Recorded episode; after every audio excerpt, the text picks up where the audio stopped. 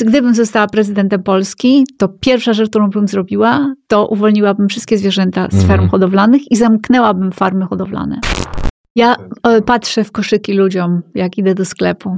Tak? Tak. Jest bardzo źle. I jest mi żal. Ja się Mhm. kiedyś wyśmiewałam z wegan i uważałam, że to są dziwni ludzie. A teraz sama jestem tym dziwnym ludźm. Dzień dobry Państwu. Rozmowy żurnalisty są przeznaczone dla osób pełnoletnich ze względu na występującą w nich treść. Pozdrawiam, Czesław Mozil. Dzień dobry, tu żurnalista. Przed całą rozmową chcę Tobie przypomnieć, że wszystkie moje odcinki znajdziesz przedpremierowo w czwartek dzięki aplikacji Tidal. Życzę miłego słuchania. Żurnalista. Rozmowy bez kompromisów. Zanim na dobre zacznie się rozmowa, chcę poprosić Cię o ocenę mojego podcastu i obserwację. Jak już tego słuchasz, to jesteś naprawdę blisko. To serio 3 sekundy. Pozycjonuje mnie to w rankingu, pomaga dotrzeć do innych słuchaczy. Dlatego to dla mnie bardzo ważne. Dobrego odsłuchu. Pozdrawiam, cześć. Dzisiaj u mnie Beata Pawlikowska. Dzień dobry. Dzień dobry, witaj. A o czym ostatnio myślisz? Masz jakieś takie rzeczy? Tak, myślę ostatnio o gotowaniu, dlatego że przygotowuję y, nową książkę Mhm. kulinarną. No.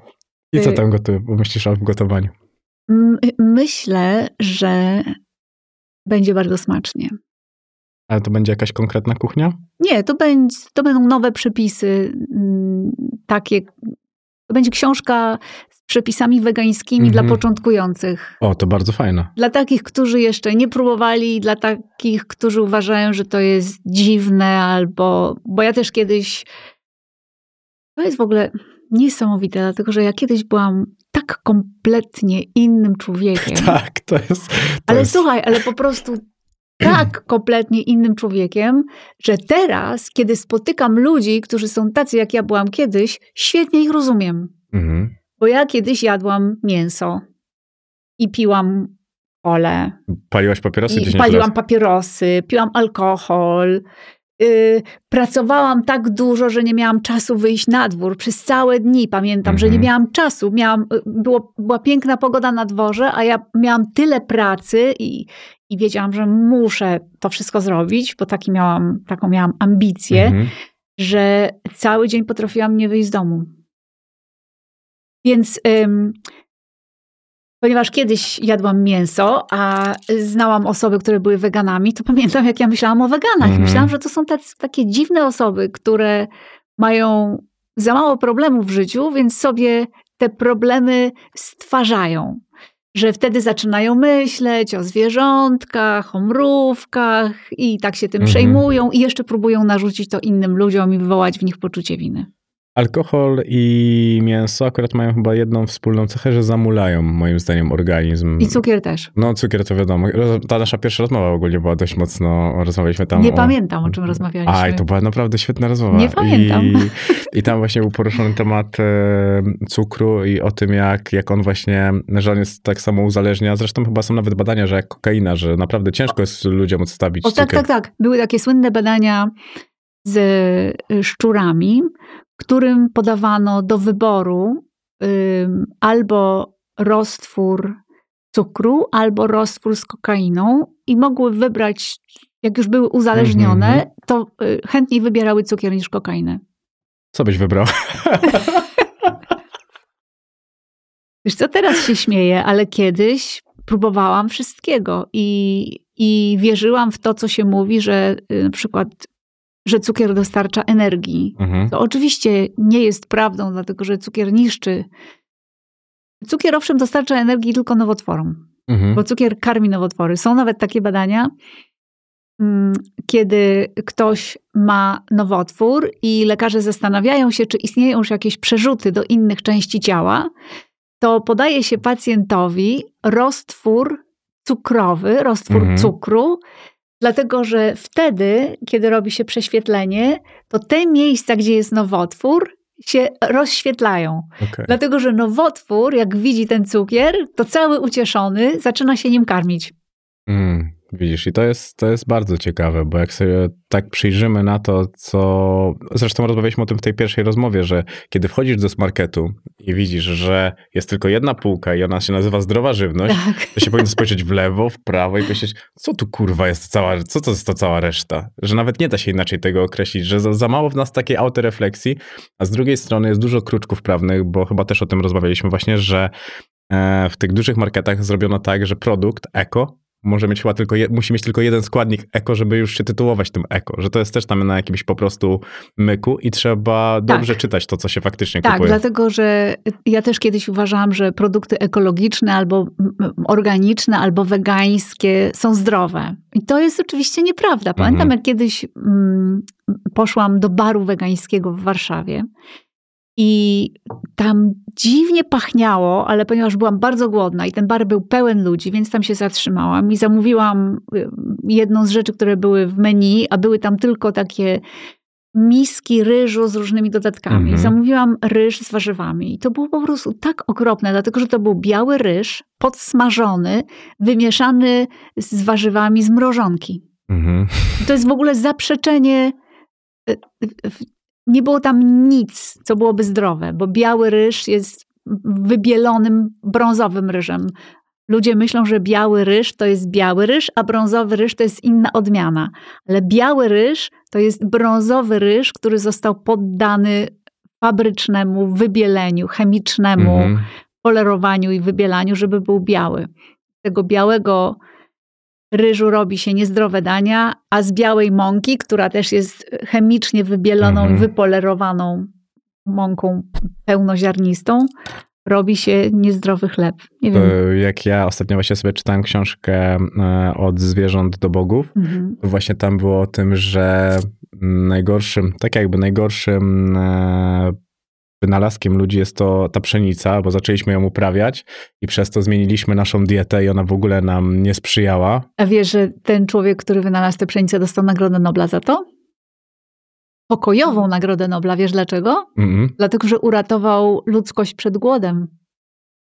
Dlatego, że y, chodziło o to, że brakowało żywności na Tak, tak, świecie. tak, tak, ale tak. to wciąż brakuje żywności na świecie dla tych, którzy są głodni. Połowa świata przecież głoduje. Ale zobacz, gdyby, przepraszam, że ci przerywam, ale gdyby je, jedzenie miało być dobrej jakości, takiej prawdziwej, to po prostu głodnych byłoby więcej ludzi, bo my zrobiliśmy gorszą jako, gorsze jedzenie. No tak, właśnie o tym no. mówię.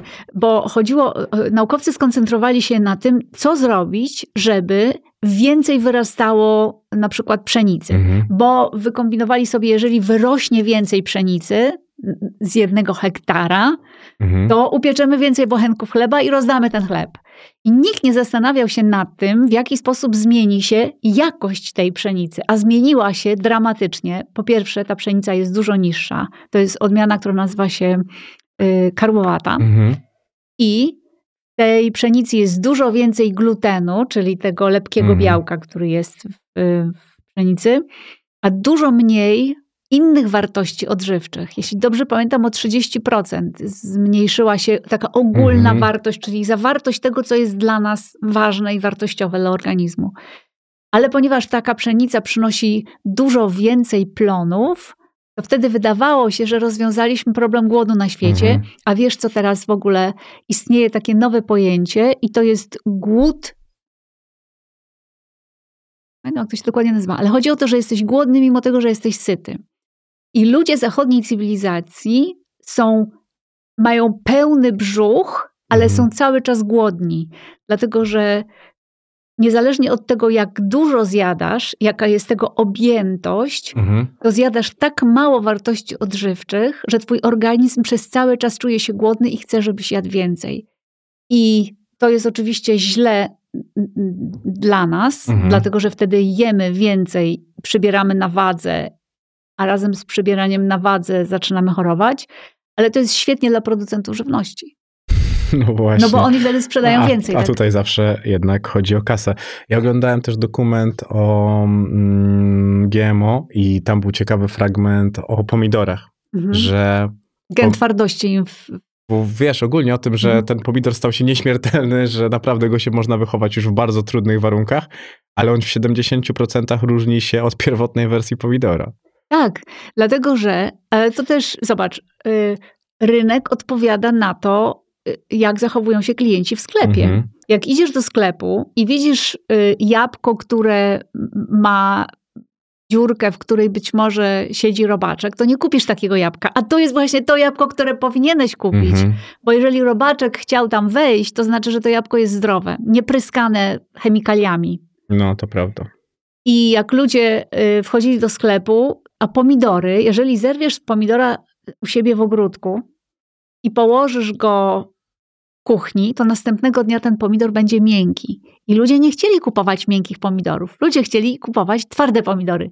Ale jeżeli przywozisz te pomidory z Hiszpanii i one są w podróży przez kilka dni, to nie ma takiej opcji, żeby dojechały do ciebie takim poziomem twardości, jaka by ci odpowiadała, więc zaczęto genetycznie Mhm. modyfikować pomidory. No tak. Wydaje mi się też, że świadomość rośnie. Mm, Tylko niestety ta świadomość to jest jeden, a dwa to jest cena, bo jednak te wszystkie produkty, o których my rozmawiamy, Chcesz powiedzieć, że one są, że jedzenie organiczne jest drogie? mm, chcę ci powiedzieć, że jak przejdziesz się do takiego sklepu, który nazywa się Eko i chcesz naprawdę zrobić tam zakupy, No błagam cię. jest, znaczy ogólnie teraz jedzenie jest drogie. No błagam cię, ale ja ci coś powiem. No. Bo takim instynktownym sposobem myślenia człowieka, który jeszcze inaczej ci powiem. Kiedyś, z 25 lat temu, jak wchodziłam do sklepu i patrzyłam na soki pomarańczowe Mhm. i myślałam sobie, co za złodzieje sprzedają sok pomarańczowy za 5 zł, a tu jest sok pomarańczowy i mogę sobie kupić za 2,50. Mi się wydawało, że ten producent, który sprzedaje mi sok za 2,50, to robi mi przysługę Mhm. i nie zawyża ceny swojego soku. Widzisz, jakie to jest pokrętne myślenie? Mhm. Dlatego, że ten sok za 2,50 to był sok wymieszany z cukrem i z wodą, no, i barwnikiem. a ten sok za 5 zł był prawdziw, prawdziwszym, No, bo nie no, ma no, no. prawdziwego soku w kartonie, ale był takim, przynajmniej nie było tam dodatku cukru, cukru ani syropu glukozowo-fruktozowego. Więc takie myślenie, że jedzenie powinno być tanie, Mhm. że po, jedzenie powinno być tak tanie, żeby mi było przyjemnie. Nie. I dlatego właśnie producenci tych oszukanych produktów spożywczych, oni sztucznie obniżają ceny, dlatego że dodają do swoich produktów różne chemikalia i różne syntetyczne dodatki. Mhm. To są dodatki tak zwane technologiczne. I dzięki tym dodatkom technologicznym, na przykład, jak robisz lody, to y, wystarczy, że dodasz smaku migdałowego. Nie musisz dodawać ani jednego migdała do tych lodów Mhm. i będziesz miał lody migdałowe. I lody z dodatkiem chemicznego smaku migdałowego będą kosztowały złoty 50. A lody organiczne zrobione z migdałów będą kosztowały 3 złote. Mhm. Więc to prawda. Ja wiem, dla mnie to jest też zupełnie No zrozumiałe, tylko Ja kiedy... chcę tylko powiedzieć głośno jedną rzecz. Jedzenie organiczne nie jest zawyżone, nie ma Mhm. zawyżonej ceny, tylko to tyle naprawdę kosztuje jedzenie. Mhm. A jedzenie z, z masowych plantacji oblewanych pestycydami ma sztucznie zaniżoną cenę i stąd ta różnica. Czyli jedzenie organiczne kosztuje tyle, ile naprawdę kosztuje żywność. A te inne Mhm. to są sztucznie wyhodowane z pestycydami, z glifosatem, z, innymi rzeczami, których nie chcesz jeść. Stęskniłem się. Naprawdę, dzisiaj się uśmiechałem i, i mówiłem, że fajnie, że cię zobaczę. I już wiem dlaczego. No. Matematyka i tak niestety jest e, taka, że kiedy masz mało kasy, no bo to jest to, o czym rozmawialiśmy, że ludzie umieraliby z głodu, gdyby nie te tanie produkty. No bo kiedy zarabiasz najniższą krajową i niestety masz patrzeć na to, ile to by realnie kosztowało, no to matematyka niestety jest po stronie tego wszystkiego, co jest e, pryskane i tak dalej, i Tak, tak dalej. ale jednocześnie chciałabym zwrócić Twoją uwagę Mhm. na fakt, że w Polsce wyrzuca się 60% je- żywności. Czyli ludzie idą do sklepu, Mhm. szukają czegoś, co jest tanie, szukają czegoś, co jest w promocji i owszem, kupią trzy porcje kurczaka w cenie dwóch. Dobrze powiedziałam? Dobrze powiedziałam. Mhm. Nieodwrotnie. To była świetna promocja. kupią trzy porcje kurczaka w cenie dwóch, tylko że ten kurczak wyprodukowany z antybiotykami, z hormonami, karmiony sztuczną y, żywnością, Mhm. y, sztuczną paszą z dodatkiem genetycznie modyfikowanej soi i innych rzeczy, których kurczak normalnie nie je,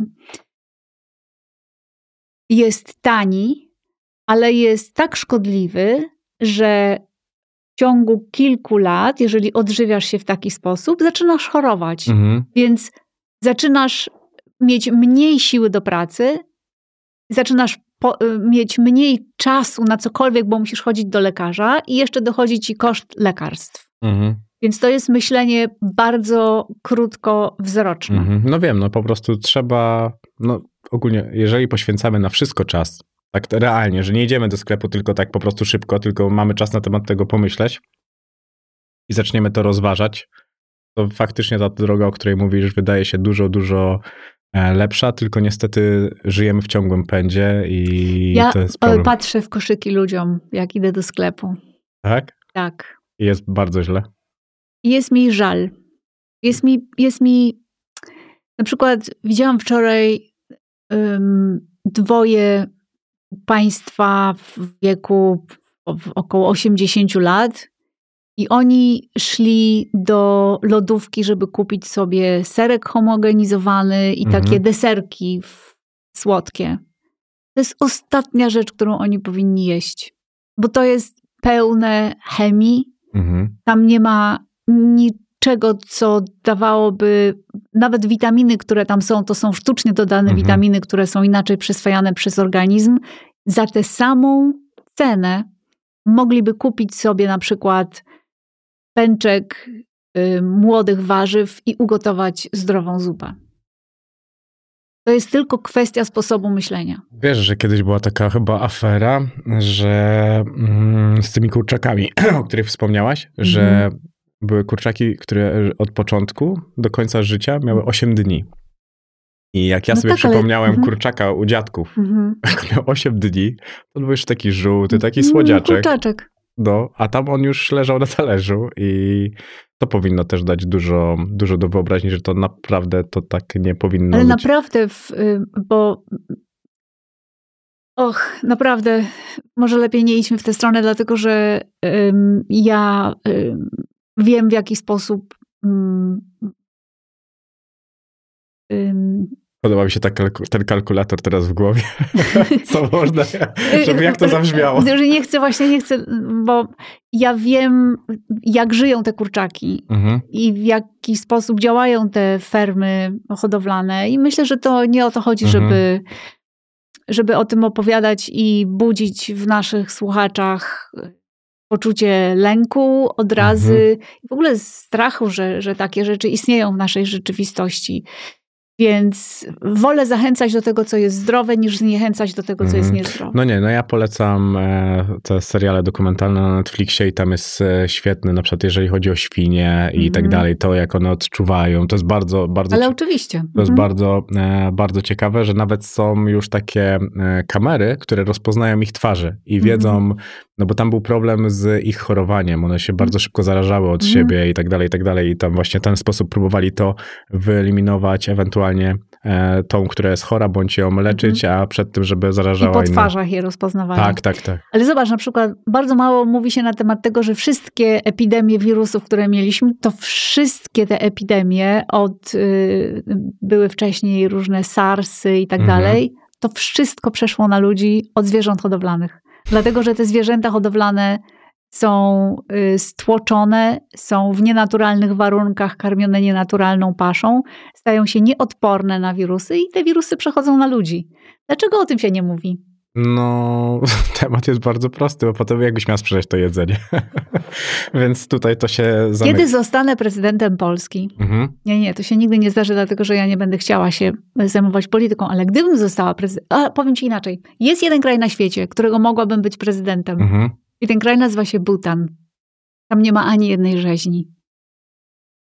I wszystkie, całe jedzenie jest organiczne. O, Nie używa nie, się w ogóle pestycydów. Tego nie wiedziałem. Więc gdybym została prezydentem Polski, to pierwsza rzecz, którą bym zrobiła, to uwolniłabym wszystkie zwierzęta z Mhm. ferm hodowlanych i zamknęłabym farmy hodowlane. To już chociaż wiemy, na jakim etapie obecnie jesteśmy, a zastanawia mnie ta cała twoja droga. I zaczęliśmy o tym rozmawiać przed samym nagraniem. Jak tak patrzysz na siebie, Mhm.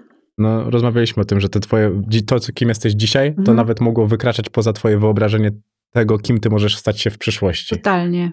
I jak ty wspominasz tą całą podróż? Bo miałaś takie momenty bardzo mroczne, bardzo ciężkie i wydaje mi się, że wymagające. I zastanawiają mnie to, no bo ty oczywiście opowiadasz pięknie o tym, jak ci okradli dom i tak dalej, i tak dalej, że z wszystkiego da się wyciągnąć mm, coś pozytywnego. Ten mrok do ciebie często jeszcze puka? Nie. Dlatego, że ja wiem, czym on jest i skąd on się brał. Mhm. To, że mi okradli dom, to nie jest żaden. To, to, to, Nie, no ja po prostu wiem, mi no, chodzi o wahania mhm. nastrojów, że można Aha. wtedy mieć coś takiego, że możesz czuć takie, takie coś innego niż to, co czujesz stabilnie, bo teraz po tobie słychać, że ty jesteś taka piękna wewnątrz, że to wszystko wybrzmiewa, że to nie jest takie, że ty to mówisz, bo to jest teoria medytacji, Mhm, tylko ty mhm, taka mhm, jesteś. Ja dzisiaj, jak sobie jeszcze przypominałem wywiady z tobą, to zresztą napisałem się trzeba wczoraj wiadomość, mhm. że mi się chciało tego słuchać, Mhm. bo ja wiedziałem, że to jest piękno w środku. I nie mówię tego każdemu, bo często wydaje mi się, że to są bardzo. że to są bardzo naciągane teorie, że to wszystko stało się trochę popularne, to o czym ty mówisz teraz. I, ale w prawdziwości wydaje mi się, że są wahania nastrojów. Powiem ci tak. Byłam kiedyś bardzo uparta i byłam bardzo przywiązana do pewnego sposobu postrzegania siebie oraz innych. I życie podnosiło mnie i rzucało mną o ziemię. Mhm. I to tak, żebym grzmotnęła tak mocno, żeby coś mi się w środku poprzestawiało. Mhm. A ja byłam bardzo uparta, więc życie znowu mnie podnosiło i znowu mnie rzucało na ziemię. Im mocniej, tym lepiej. Mhm. Dlatego, że w końcu zaczęło coś do mnie docierać. I tak pomalutku, pomalutku zaczęłam. Zaczęłam patrzeć inaczej, myśleć inaczej Mhm. i pamiętałam przez cały czas to, co sobie postanowiłam, kiedy miałam 16 lat. Że będziesz szczęśliwa. Tak, że niezależnie od tego, jak długo będę szukać i gdzie zaprowadzi mnie to szukanie, ja znajdę sposób na to, żeby być szczęśliwym człowiekiem, Mhm. dlatego że w przeciwnym razie życie nie miałoby sensu. To znaczy, nie miałoby w ogóle sensu to, że pojawiamy się na świecie. Bo nie miałoby sensu to, żebyśmy przychodzili tutaj na świat po to, żeby doświadczać różnych cierpień, Mhm. a potem dostąpić ulgi. Myślę, że życie nie, nie na tym polega. Tylko wielu artystów zdefiniowało na tym swoje życie, że błądząc, gdybając i I wypruwając żyły. znajdują wdzięcznych słuchaczy, dlatego że ludzie lubią identyfikować się tym, co jest smutne, Mhm. przygnębiające, szczególnie w naszym kraju, dlatego że my mamy w historii pewien zagruntowany ból i cierpienie. Mhm. W innych krajach ludzie instynktownie inaczej podchodzą do życia. A nie wnikając w to, z czego to wynika i dlaczego takie coś w nas zostało zbudowane, myślę, nawet jak przypominam sobie teraz lektury szkolne, które kazano nam czytać, które, które niosły w sobie totalną beznadzieję i cierpienie. Mhm. Jakby miały nauczyć nas tego, że jesteśmy tutaj po to, że i tak rozdziobią nas kruki i wrony. I nic z nas nie Mhm. będzie. A jak się ktoś zakochuje, tak jak Wokulski zakochuje się w lalce, to nie ma szczęśliwej miłości. A jak masz ukochane dziecko, tak jak Kochanowski, to ona odchodzi. I dzisiaj sobie tak myślę, nie pamiętam, ale to y, czy w szkole podstawowej czytaliśmy treny Kochanowskiego? Chyba tak, Czy tak mi się wydaje. Nie, Podstawowej czy średniej? Wydaje mi się, że w podstawowej. podstawowej. No ale zobacz, dzieciom w szkole podstawowej dawać do czytania wiersze napisane przez oszalałego z bólu ojca po stracie dziecka. Co to w ogóle? Co to ma dać temu dziecku? Mhm. Depresję.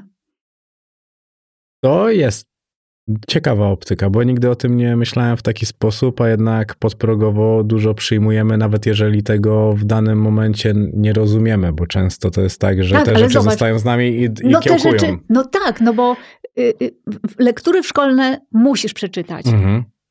Powiem ci coś, nie wiem, czy powinnam to mówić, ale na przykład lekturą szkolną jest potop, Mhm. tak? Tak. I Henryk Sienkiewicz jest używany za, używany, jest uważany za jednego z, z mistrzów literatury polskiej. Każdy powinien czytać Sienkiewicza. Mhm. Wiesz, co ja pamiętam ze szkoły? Mhm. Że ludzi wbijano na pal. Wyobrażasz to sobie? W ogóle jesteś w stanie to sobie wyobrazić? Niestety. Bo ja to sobie wyobrażałam i mam to wciąż gdzieś w głowie. I wolałabym nigdy o tym nie wiedzieć. Wolałabym może dowiedzieć się o tym na własne życzenie, będąc dorosłym człowiekiem, Mhm. a nie jako dziecko.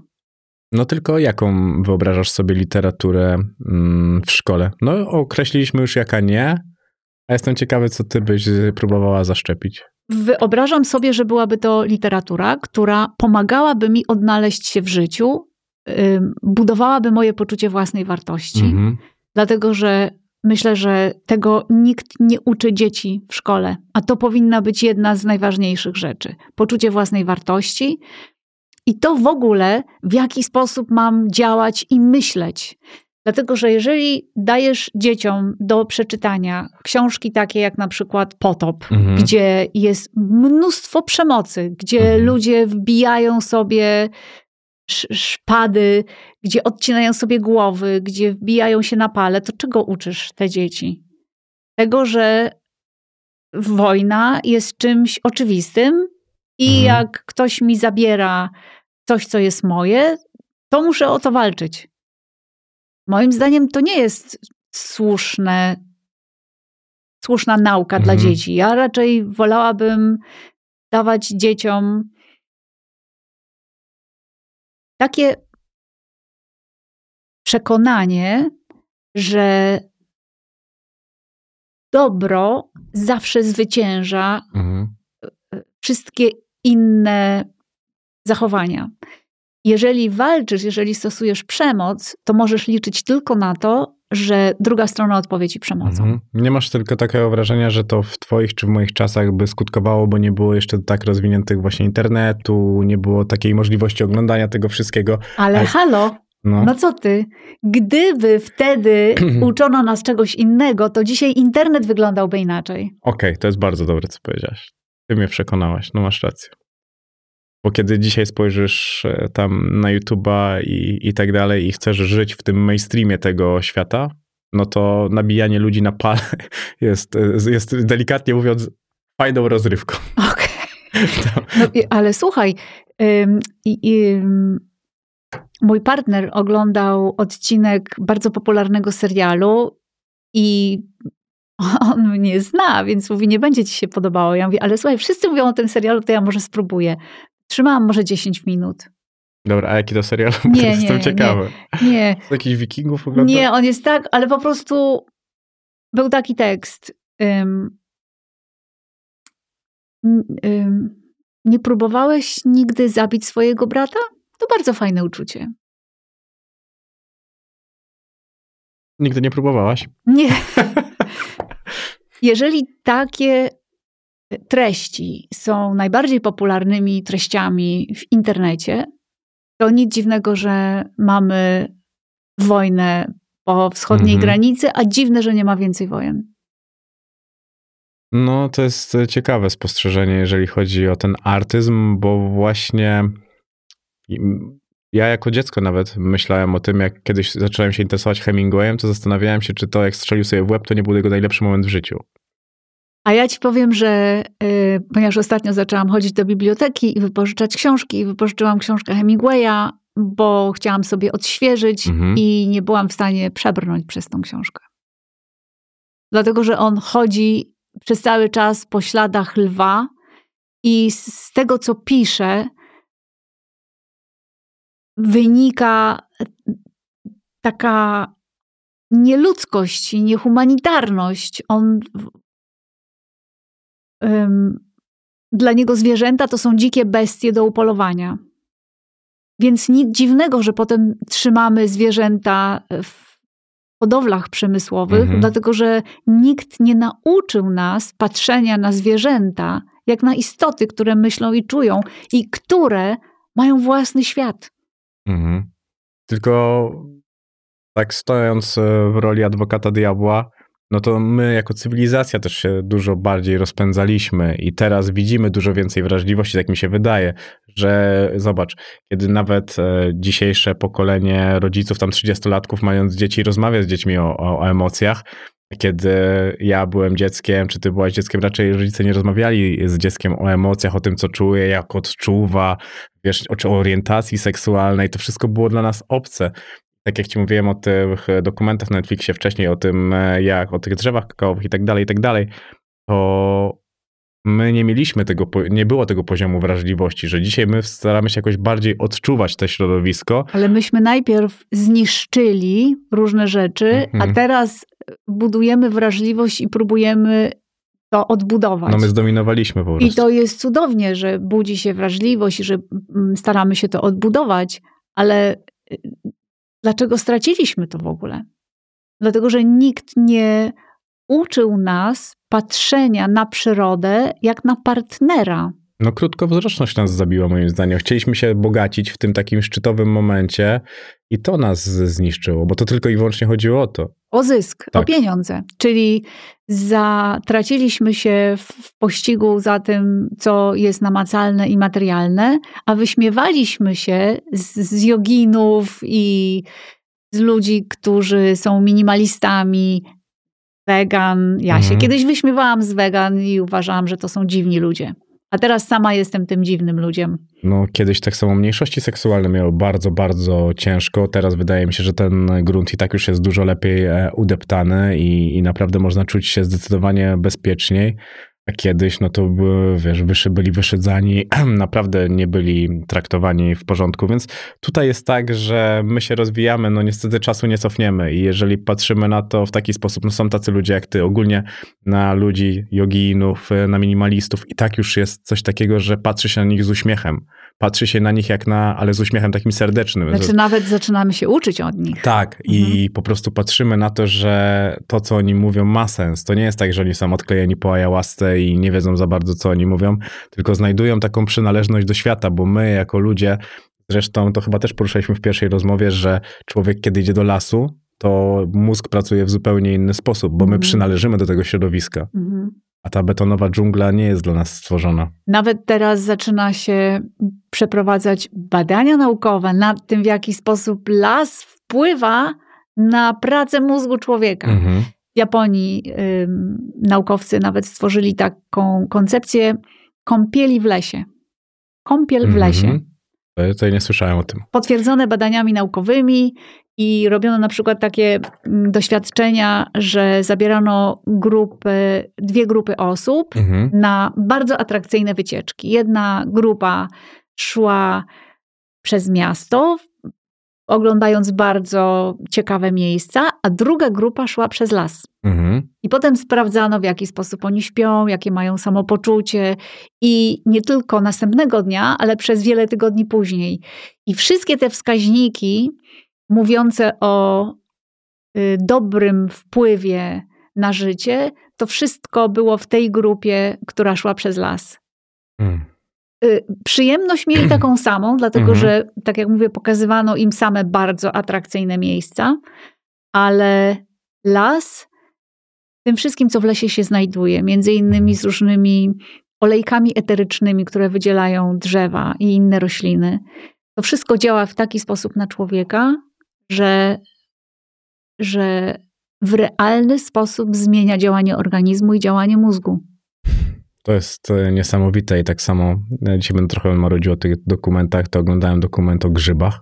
Och, no błagam cię, widziałam. Ale to po prostu niesamowite, że istnieje drugi świat, równoległa Mhm. rzeczywistość pod ziemią, gdzie są grzyby, które się komunikują ze sobą i, i które są y, kurierami pomiędzy roślinami, które widzimy nad powierzchnią. Niesamowite to jest. No. Jak to zacząłem oglądać, to No. jejku, tam już poza e, nawet tym aspektem psychodelicznym i tak dalej, i tak dalej, ale to było dla mnie tak fascynujące. Jest, ale to właśnie to dowód na to, co powiedziałeś, że na przykład już kręci się takie filmy Mhm. i że są i, że no, i że możesz normalnie natknąć się na taki film na Netflixie, Mhm. tam gdzie masz też te okrutne seriale pełne przemocy, a tu na przykład oglądasz Życie grzybów albo oglądasz, widziałeś na pewno film Moja, Mój nauczyciel ośmiornica. Mhm, tak, tak, no bo tak, ja tak. nie mogłam oglądać, bo po prostu płakałam przez cały czas, taka byłam wzruszona Mhm. oglądając ten film. I, I masz to na tej samej platformie. I teraz od ciebie zależy, co wybierasz. A jeżeli oglądasz taki film o Mhm. ośmiornicy, ty jesz mięso? Tak wiesz, jak już jestem w Ale sytuacji... ośmiornicy nigdy już nie zjesz przecież. Znaczy, ja nigdy bym nie zjadł ośmiornicy. No, bo tak inteligentne, tak, tak niesamowite zwierzę. Mhm. Nieprawdopodobny film. A zobacz, nawet z tym moim niejedzeniem e, mięsa jest tak, że jem zazwyczaj jak jestem zdesperowany. Typu, że już nie masz czasu znaleźć, jesteś Mhm. głodny, jedziesz gdzieś. I to są takie sytuacje, że wydaje mi się, że też świat się nastawi na w ogóle nie jedzenie mięsa kiedyś, Mhm. kiedy to naprawdę będzie tak zrobione też, jak nauczono nas jeść mięso. Mięso nauczono nas jeść zawsze i wszędzie możesz je dostać. Nie ma takiego miejsca tutaj, gdzie jesteśmy, Mhm. gdzie nie można tego dostać w sekundę. Tak, to prawda. A jeżeli już chcesz na przykład nie zjeść tego mięsa, to już jest naprawdę zdecydowanie, zdecydowanie e, trudniej. Ej, to jest, e, to jest coś, co moim zdaniem wprowadzi pewną innowację, chociaż i tak mi się wydaje, że wegan, e, wegetarian i tak dalej, i tak dalej, e, procent bardzo, bardzo szybko Och, rośnie. Bardzo, bardzo. I, I- przyczyniają się też do tego znane osoby, które mówią o tym głośno, na przykład Mhm. Billie Eilish. Mhm. Ostatnio oglądałem jej wywiad u Lettermana, świetny, nie wiem czy to widziałaś, Nie, nie ale widziałam. war, warto zobaczyć. Mhm. Na Netflixie właśnie Mhm. Letterman ma swój program Mhm. I to jest naprawdę e, fenomenalne są te jego rozmowy. Zakochałem się w tym, jak on potrafi rozmawiać. Ten jego format telewizyjny nigdy jakoś tak nie był, e, nie przemawiał do mnie, a tam są takie rozmowy, gdzie naprawdę porusza głębokie struny i zresztą pierwszy odcinek wiesz z kim nagrał? Wiem, Ryan Reynolds. Nie, pierwszy odcinek to z, e, pierwszy odcinek z Barackiem Obamą. A, Ale a to chyba nawet Reynoldsem też- widziałam fragment, wiesz? No, A to było z, z rok temu albo dwa lata temu. no jak nawet z trzy. A, no I, właśnie. e, bo to jeszcze było z publicznością, więc Mhm. e, musiało być... Przed e, pandemią. Tak, przed pandemią on tam ogólnie te rozmowy ma z takimi ludźmi, że To obejrzę. I zobacz, to jest następny dowód na to, że świat się zmienia, że ktoś chce nagrywać rozmowy, tak jak teraz y, zaproponowano mi, żebym prowadziła własny podcast. A ja Mm. mówię, ale podcast, samo audio, nie wideo, Mhm. to gdzie przecież to będzie chciał słuchać? Mhm. I, się, I się dowiedziałam ku mojemu zdumieniu, że Polacy słuchają podcastów Mhm. że ktoś chce i specjalnie szuka miejsc, gdzie będzie mógł posłuchać interesującej rozmowy z kimś. To jest też znak na to, że świat zmienia się w dobrą stronę. świat wraca do miejsca, w którym ty już byłaś, czyli do stacji radiowych.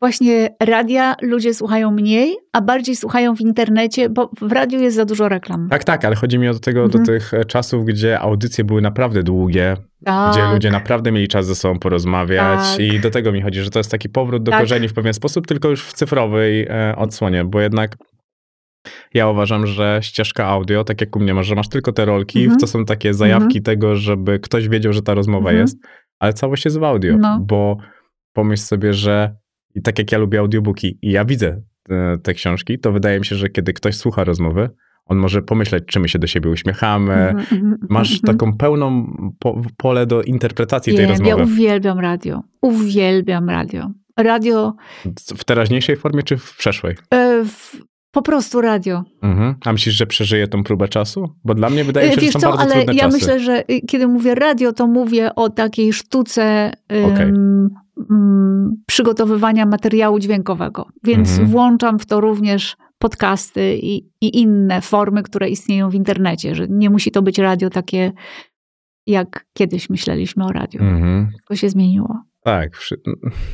Ale nie, niekoniecznie wszystko musi. To też. E... Wiele rzeczy się zmienia, ale myślę, że. Bo zobacz, nawet kiedy zaczęła się pandemia i nikt nie, wcześniej nie wyobrażał sobie, że będziemy pracować z domu. Mhm. I gdybyś poszedł, gdybyś był pracownikiem mhm.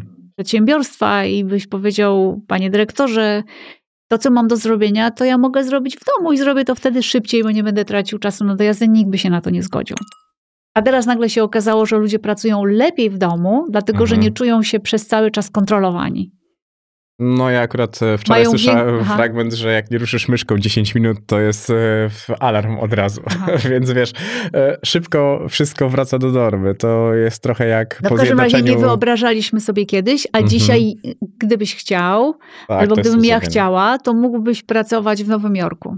Tak. Nie ruszając się z Warszawy. I odwrotnie. Mhm, to fakt. To są takie możliwości, które. No i to jest ten trochę twój system myślenia, że z wszystkiego złego można wyciągnąć. Wszystko jest możliwe.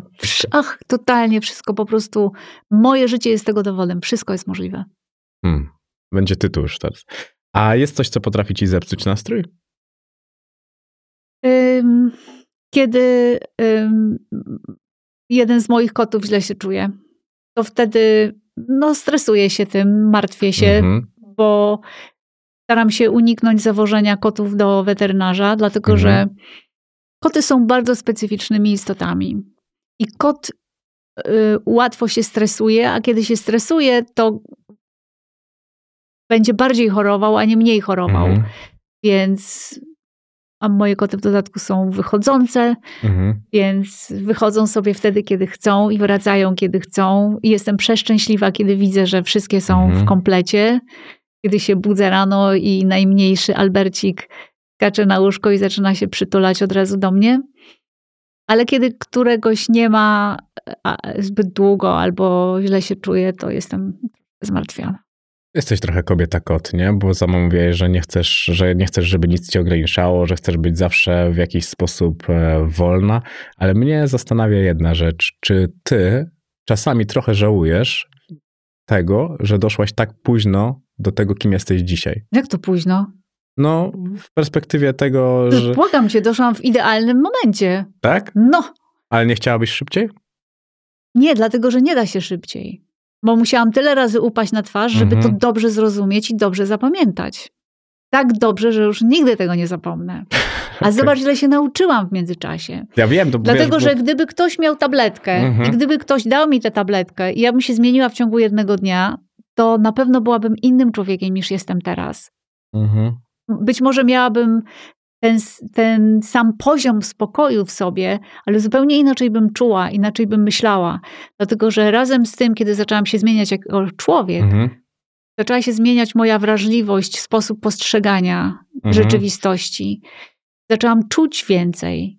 Mhm. Y, I, I kiedy zmieniałam mój sposób myślenia, i kiedy się potykałam, i upadałam, i kiedy wracały jakieś um, myśli, których nie chciałam mieć, mhm. i kiedy znów musiałam to zmieniać, to wypracowałam w sobie tak niesamowicie wielki mechanizm stworzony przeze mnie samą, że to jest teraz najtwardsza skała. Mhm. To jest coś, co się nigdy nie przewróci. To, to jest... Tom Titanic się rozwalił.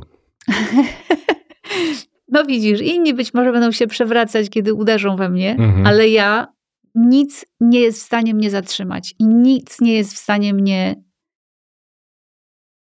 zatrzymać. Hmm. No, ja doskonale sobie zdaję z tego sprawę, ale kiedy właśnie ci przed rozmową powiedziałem o tym, że Patrycja powiedziała, ale ona by była świetną e, mamą, mhm. że taką, wiesz, wyrozumiałą. Mhm. Ale wtedy miałabym mniej czasu na podróżowanie, mhm. mniej nauczyłabym się o świecie i o sobie mniej miałabym czasu na pisanie, więc byłabym wtedy w zupełnie innym miejscu i byłabym zupełnie innym człowiekiem. To fakt. No dlatego zapytałem się ciebie, bo mnie interesuje to, co ty masz do powiedzenia, a nie to, co ktoś może gdybać, patrząc na twoje życie. Szczególnie, że mnie twoja perspektywa bardzo interesuje, bo wydaje mi się, że jesteś tak, masz, masz bardzo dużą odwagę bycia sobą, bo mówisz dużo niepopularnych rzeczy, mhm. które mogą często kosztować e, bardzo dużo, no bo nawet e, te, te niektóre rzeczy, o których i też jak zostałaś przeinaczona z tym uzależnieniem od seksu, mhm, wiesz, to wszystko da się tak ładnie dookoła opisać i tylko wtedy są te kliki, o których rozmawialiśmy na samym początku rozmowy, a potem spojrzysz sobie na, tak, na ciebie i patrzysz na ten uśmiech, patrzysz na oczy i, i widzisz tam taką po prostu, i ja patrząc na ciebie widzę taką dziewczynkę, taką szczęśliwą. I to jest chyba najfajniejsze, że nie zatraciłaś tego, co ludzie mają najpiękniejsze, kiedy są dziećmi, że chcą, bo ty chcesz cały czas. Chcę. Nieustannie. Chcę przez cały czas. I jakby tak spojrzeć na moje życie, to, to jest trochę tak, jakbym przeniosła w życiu milion kamyczków i z tych kamyczków uskładała sobie e, to życie, które mam Mhm. teraz. I mógłbyś powiedzieć, no ale nie żałuję, że ktoś mógłby ci pomóc i na przykład podjechać koparką i przerzucić te kamyczki za ciebie. Nie. Dlatego, że dzięki temu, że ja ręcznie te kamyczki prze, Mhm. przenosiłam i było mi strasznie ciężko i czasem byłam zupełnie z tym sama i czułam się samotna i czułam się okropnie i czasem już mi się nie chciało, a potem się budziłam i mówiłam, ale ja to zrobię. Mhm. No tak, no. Skończę to. Tylko dzisiaj to bardzo dobrze się o tym mówi i w ten sposób to wspomina, ale kiedy sama mówisz, że miałaś problemy i z piciem i prze, przebijały się tam jakieś narkotyki, nie chciało Mhm. ci się żyć, Mhm. to, to jednak bardzo ładnie metaforycznie to brzmi, że ty przerzucałaś kamyczek po kamyczku, Mhm. ale jednak na plecach nosiłaś ciężkie głazy. Ale dlatego mówiłam, że życie rzucało mną o ziemię jak workiem ziemniaków. I to nie raz. I Mhm. bardzo się wtedy poobijałam. I byłam wtedy, czułam się wtedy najbardziej samotnym człowiekiem na świecie. I kiedy czujesz się najbardziej Mhm. samotnym człowiekiem na świecie, to jesteś tak totalnie rozpaczliwie nieszczęśliwy, że nie widzisz nawet cienia nadziei. Ale w rzeczywistości byłaś taka samotna, jak ty myślałaś, że jesteś? Tak, bo to nie była samotność polegająca na tym, że nie było ludzi dookoła mnie, Mhm. bo byli ludzie. Ja byłam samotna z samą sobą. Czułam wielką pustkę Mhm. i samotność, która wynikała z tego, że odrzucałam samą siebie. I to, czego mi brakowało, tego szukałam w innych ludziach. Albo szukałam tego w alkoholu, albo w Mhm. pracy, albo w innych miejscach poza Mhm. sobą. No jest to, dlatego mówię, że czasami metaforycznie ten kamyczek do kamyczka to brzmi tak, że ona ma takie życie, no co wy, nie? A to jednak były ciężary i, i to były ciężary, bo to trzeba też po prostu mówić, że to nie były rzeczy, z którymi wtedy w tamtym okresie mogłaś powiedzieć sobie, że sobie bez problemu poradzisz i dojdziesz do momentu, w którym No jesteś dziś. błagam cię. W ogóle nie było takiego momentu, kiedy ja bym sobie powiedziała, że bez problemu sobie poradzę. No dobrze, no ale wiesz, kiedy dzisiaj się uśmiechasz i w taki sposób dajesz temu narrację, Aha. no to No można to- tak to odebrać. To powiem tylko tak, że jeżeli jesteś dzisiaj słuchaczu albo słuchaczko w takim miejscu, z którego wydaje ci się, że nie ma wyjścia i jesteś pod największą ścianą swojego życia i czujesz w sobie tylko rozpacz, ciemność i lęk, to z tego można wyjść. Mhm. Niezależnie jak jest się głęboko, zawsze... Istnieje inny świat. Mhm. Na I pewno... do tego innego świata można wejść, jeżeli tylko zrobi się kilka kroków. I to wewnątrz siebie. Bo nikt nie będzie w stanie nam dać tyle siły, ile mamy w sobie. To prawda, i kiedy zaczyna się tej siły szukać w sobie, człowiek znajduje jej tak dużo, że aż sam jest zaskoczony, że tyle jej ma. Mhm. Czasami trzeba najpierw wyjść z toksycznej relacji, która cię zatrzymuje. A wiesz, że najbardziej toksyczne relacje często tworzymy sami ze sobą. Tak, to prawda, ale jeżeli masz toksyczną relację z samą sobą oraz tworzysz na przykład toksyczną relację z partnerem albo w pracy, to będziesz cały czas skierowany na zewnątrz i będziesz walczył z, Mhm. z tymi ym, toksycznymi osobami dookoła siebie i nawet nie przyjdzie ci do głowy, ile masz do naprawienia w samym sobie. I wtedy myślę, że najpierw trzeba się uwolnić od tych toksycznych relacji z innymi ludźmi i wtedy dopiero można na spokojnie spojrzeć w siebie. Ważne jest jasno komunikować. Mi się wydaje, że to jest bardzo istotne, bo kiedy komunikujesz innym, to też słyszysz to, co ty mówisz. Czego oczekujesz od kogoś, jaki jesteś i jak to u ciebie działa. Czy się boisz na przykład czegoś powiedzieć. To jest bardzo ważne, moim zdaniem. Bo kiedy przestaniesz się bać mówić, to znaczy, że przestaniesz się też bać słyszeć. Bo ktoś może ci zwrócić uwagę i powiedzieć, że to, to, to zachowanie się nie podoba i o tym myśleć. Wydaje mi się, że ta autorefleksyjność i przyjęcie tego, żeby po prostu posiedzieć nad sobą i naprawdę poszukać, bo ten pęd, który został narzucony, że cały czas jesteśmy bodźcowani. TikTok, Instagram, Facebook. Patrzymy na innych, a nie patrzymy na siebie. Tak, ale chciałabym uściślić to, co Mhm. powiedziałeś i upewnić się, czy dobrze cię zrozumiałam, dlatego że kiedyś wydawało mi się, że jeżeli mój partner robi coś, co mnie rani, to ja powinnam mu o tym powiedzieć, żeby on o tym wiedział. Mhm. I kończyło się to na tym, że prowadziliśmy rozmowy, które, które nie miały końca i które kończyły się kłótniami, bo ja płakałam, a on się czuł winny albo czuł się atakowany. I moim zdaniem to nie jest dobra droga. Mhm. Uczy się nas, żeby mówić innym o swoich emocjach i o swoich uczuciach, Mhm. i, i podkreśla się, ale zawsze mów, jak się czujesz. Nie, że Mhm. ktoś coś robi, tylko jak się czujesz. Na przykład, kiedy nie spędzasz ze mną czasu, jest mi bardzo przykro. Mhm. Otóż napisałam książkę pod tytułem Szczęśliwe Związki. W Mhm. tej książce rozprawiam się z tymi wszystkimi mitami, dlatego że jeżeli w taki sposób myślisz o swoim partnerze, to stawiasz się w pozycji ofiary. Dlatego, że jeżeli mówisz do niego, kiedy nie spędzasz ze mną czasu, jest mi bardzo przykro, to stawiasz się w pozycji ofiary uzależnionej od tego, co zechce zrobić twój partner. Mhm. Jesteś uzależniony emocjonalnie. Bo w takiej sytuacji, jeżeli jest ci przykro, że twój partner nie spędza z tobą czasu, należałoby zadać sobie pytanie, dlaczego jest mi przykro, że on ze mną nie spędza czasu?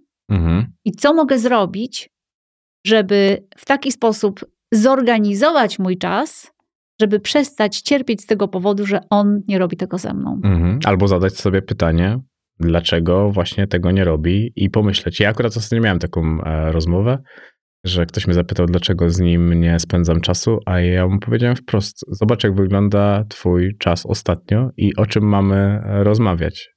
Że też musimy ten czas mieć w taki sposób, żeby był satysfakcjonujący dla ciebie i dla mnie. I czasami to są bardzo trudne rozmowy, kiedy musisz zwrócić komuś uwagę na to, że po prostu ten czas dla ciebie w takim wymiarze, to nie mówię teraz o związku, ale będzie zmarnowany. A Mm. kiedy pędzisz i musisz wybierać czasami kiedy, co, jak, to niestety dobrze jest e, powiedzieć, że kurde, ostatnio widzę, że u ciebie źle się dzieje, posiedź nad tym, nie oglądaj tych programów w telewizji, poczytaj książkę, żyjesz takim fast foodowym życiem. A ja w to nie wierzę niestety. Naprawdę? No, ja, ja... powiem ci dlaczego. No to jest no ciekawe. Dlatego, że ja tysiąc razy zrobiłam to w przeszłości. Mhm. I to nigdy Ale nie działa. W, w, w różnych relacjach z innymi osobami Mhm. to nigdy nie działa. To po prostu nigdy nie działa. Dlatego, że ludzie nie, kiedy mówisz do kogoś w taki sposób, natychmiast włącza się mechanizm samoobrony i ludzie będą y, albo czuli się skrzywdzeni, Mhm. albo zranieni, albo zaatakowani.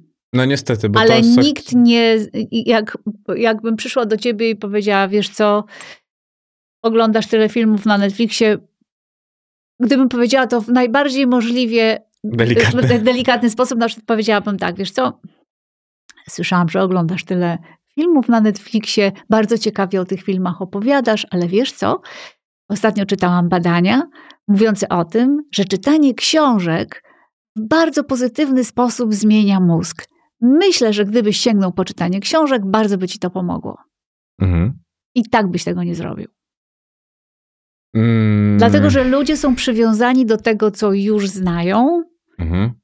i ludzie instynktownie nie znoszą tego, kiedy ktoś próbuje ich zmieniać. I to jest całkowicie zrozumiałe. Mhm. No, w mojej sytuacji było tak, że kogoś nie próbowałem zmieniać, tylko nawrócić go na miejsce, w którym już był. No to próbowałeś go zmienić. Dobrze, może faktycznie, że jestem takim potworem, że próbowałem go zmienić.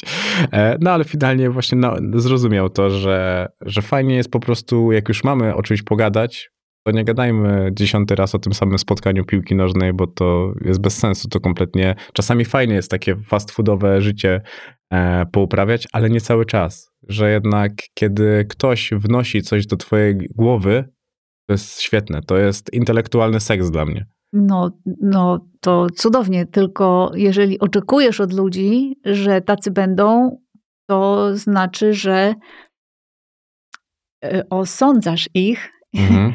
I e, nie akceptujesz tych, którzy nie spełniają Twoich oczekiwań. No, ale to prawda.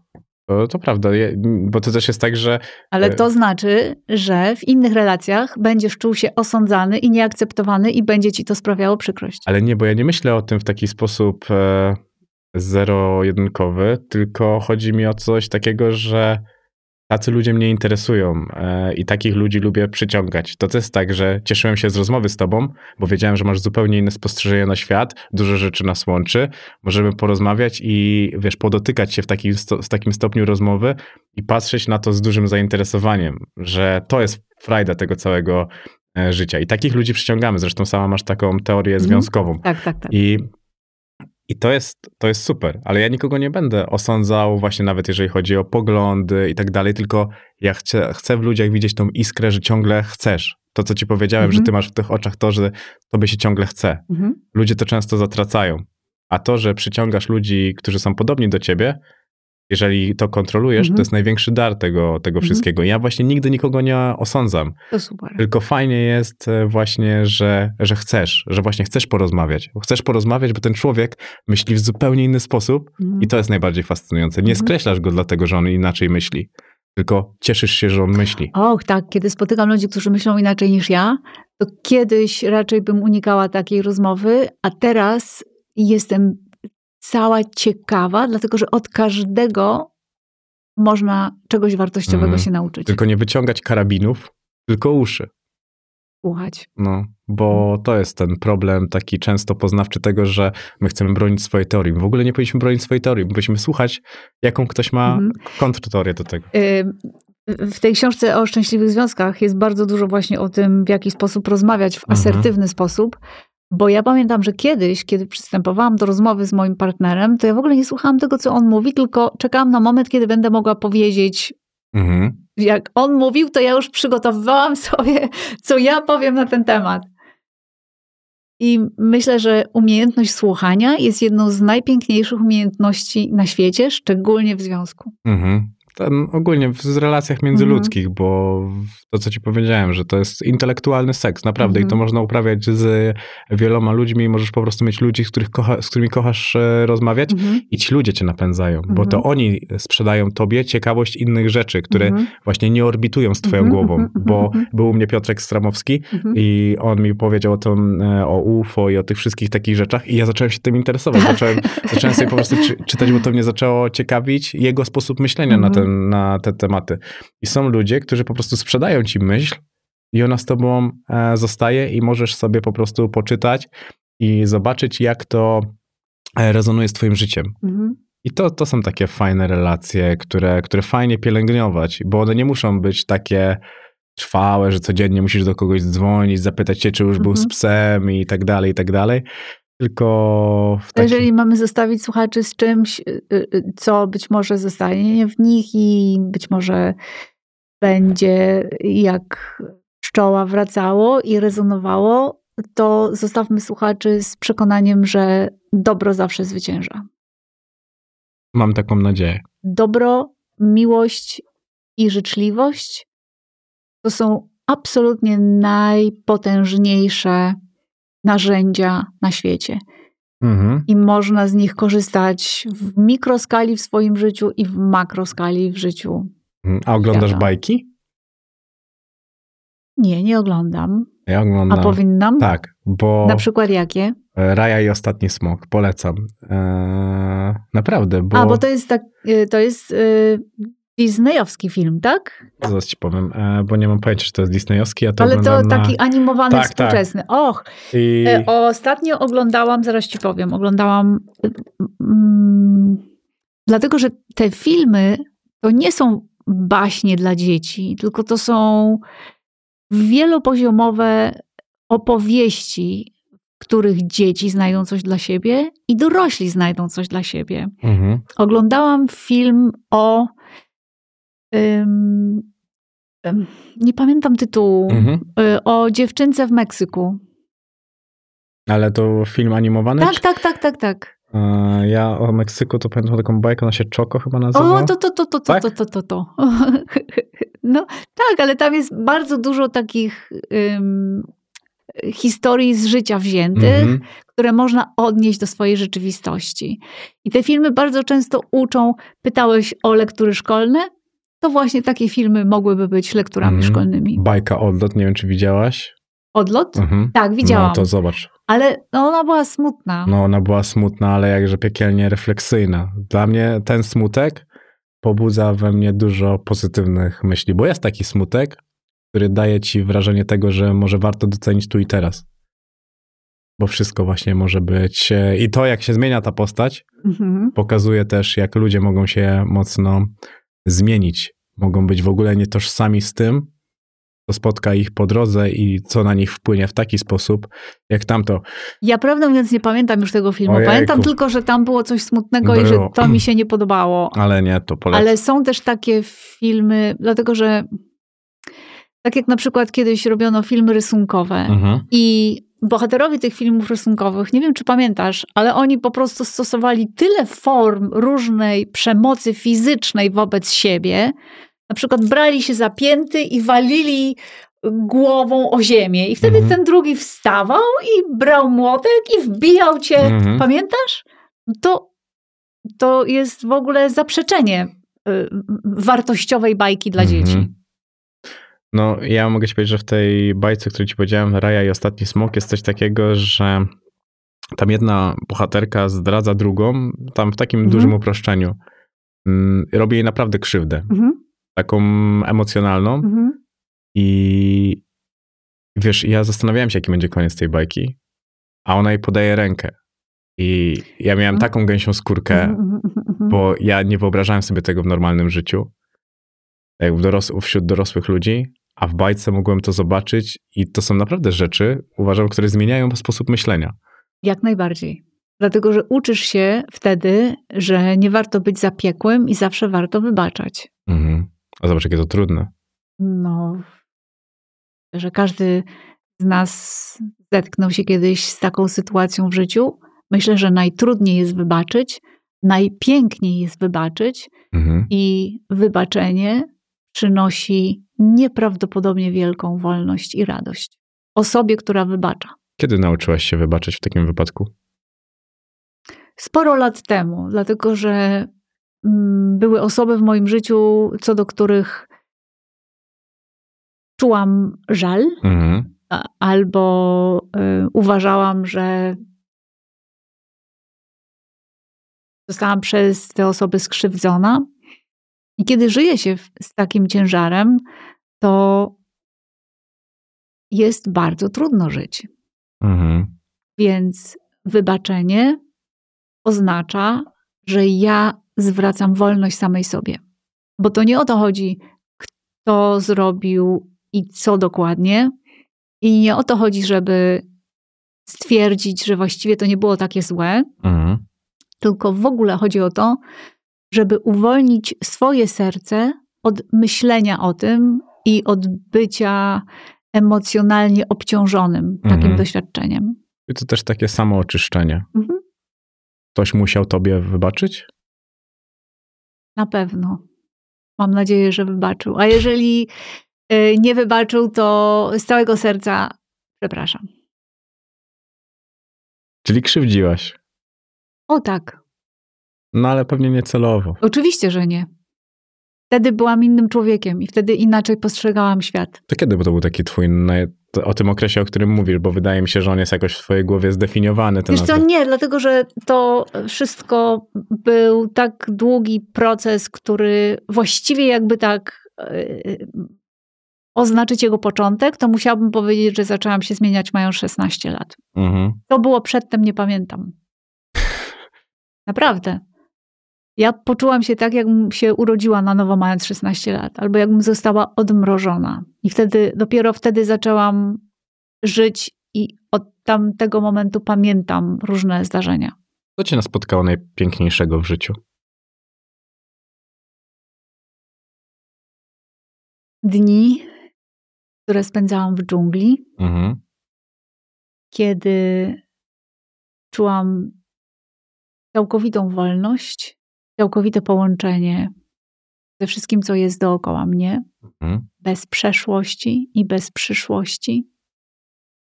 Tylko byłam jednością z Bogiem, Mhm.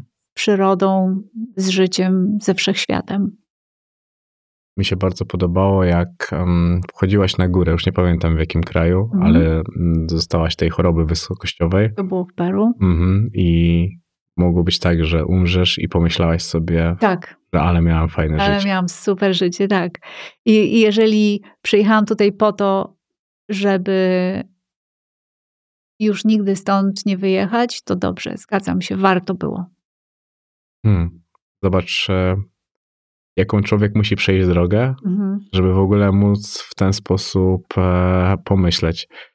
To jest dla mnie niewiarygodne, bo kiedy przygotowywałem się do tej rozmowy jeszcze raz i słuchałem sobie tego wszystkiego, co mówisz, to twoją historię już znałem od od tamtej momentu, kiedy się pierwszy raz przygotowywałem. Mhm. Tutaj sobie po prostu to zakreśliłem jeszcze bardziej, a słuchałem bardziej o tym, jak opowiadasz o tym, co się dzieje dookoła ciebie, co ty dostrzegasz, co patrzysz, że od tych pierwszych gofrów e, w Mielnie, czy tam obok Mielna, tak, i, i jak tą całą historię sobie połączysz, od tej pisania tej pierwszej książki w tej Mhm. kuchni, Mhm.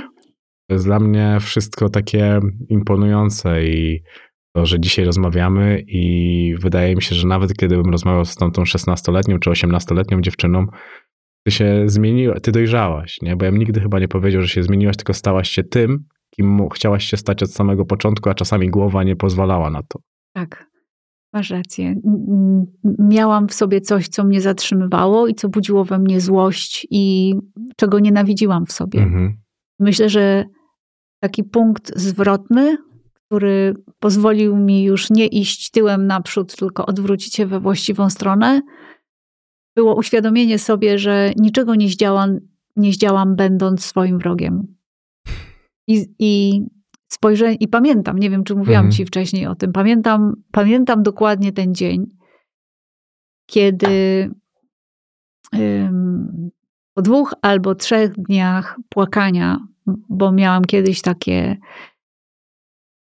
okresy, kiedy po prostu nie chciało mi się żyć i przez kilka dni płakałam. Mhm. Więc po kilku dniach płakania wstałam i szłam do łazienki i w przedpokoju wisiało lustro. Mhm. I zatrzymałam się przed tym lustrem i spojrzałam na siebie i nie poznałam siebie, dlatego że wiesz, no po kilku dniach Mhm. płakania to jesteś cały czerwony, obrzmiały, w ogóle oczuć nie widać. Spojrzałam na siebie i się zdumiałam, że to jestem ja. Ale, ale dostrzegłam w tych swoich opuchniętych oczach jakiś taki, jakieś takie drżenie, jakiś taki blask. I zbliżyłam się do lustra i spojrzałam sobie w oczy. Tak jak nigdy wcześniej. Mhm. Tak głębiej. I zobaczyłam tam małą, przestraszoną dziewczynkę. I tam wtedy, stojąc przed tym lustrem, obiecałam tej dziewczynce, że się nią zaopiekuję. I otrzym- obietnicę dotrzymałaś.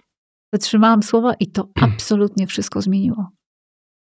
Też te twoje życie mogło się zupełnie inaczej potoczyć. Nawet jak opowiadałaś mi o tej pracy w Anglii, Mhm. gdzie cię gościu zaprowadził do tej Gdzie miałam, tak, tak. do tego domu chyba to był, nie? Czy coś takiego? Tak, to był jego dom, bo on, ja pracowałam wtedy jako kelnerka w greckim barze i przychodził taki pan, lekko utykał i tak mi się przyglądał i pewnego dnia zapytał, czy może szukam pracy, innej pracy, lepiej płatnej pracy. Ja mówię, no właściwie czemu nie? On mówi, to ja ci pokażę.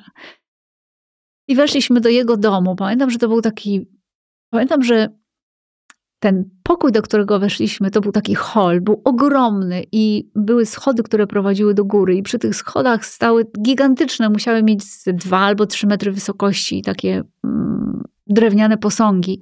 Ale nie poszliśmy tymi schodami do góry, poszliśmy schodkami w dół.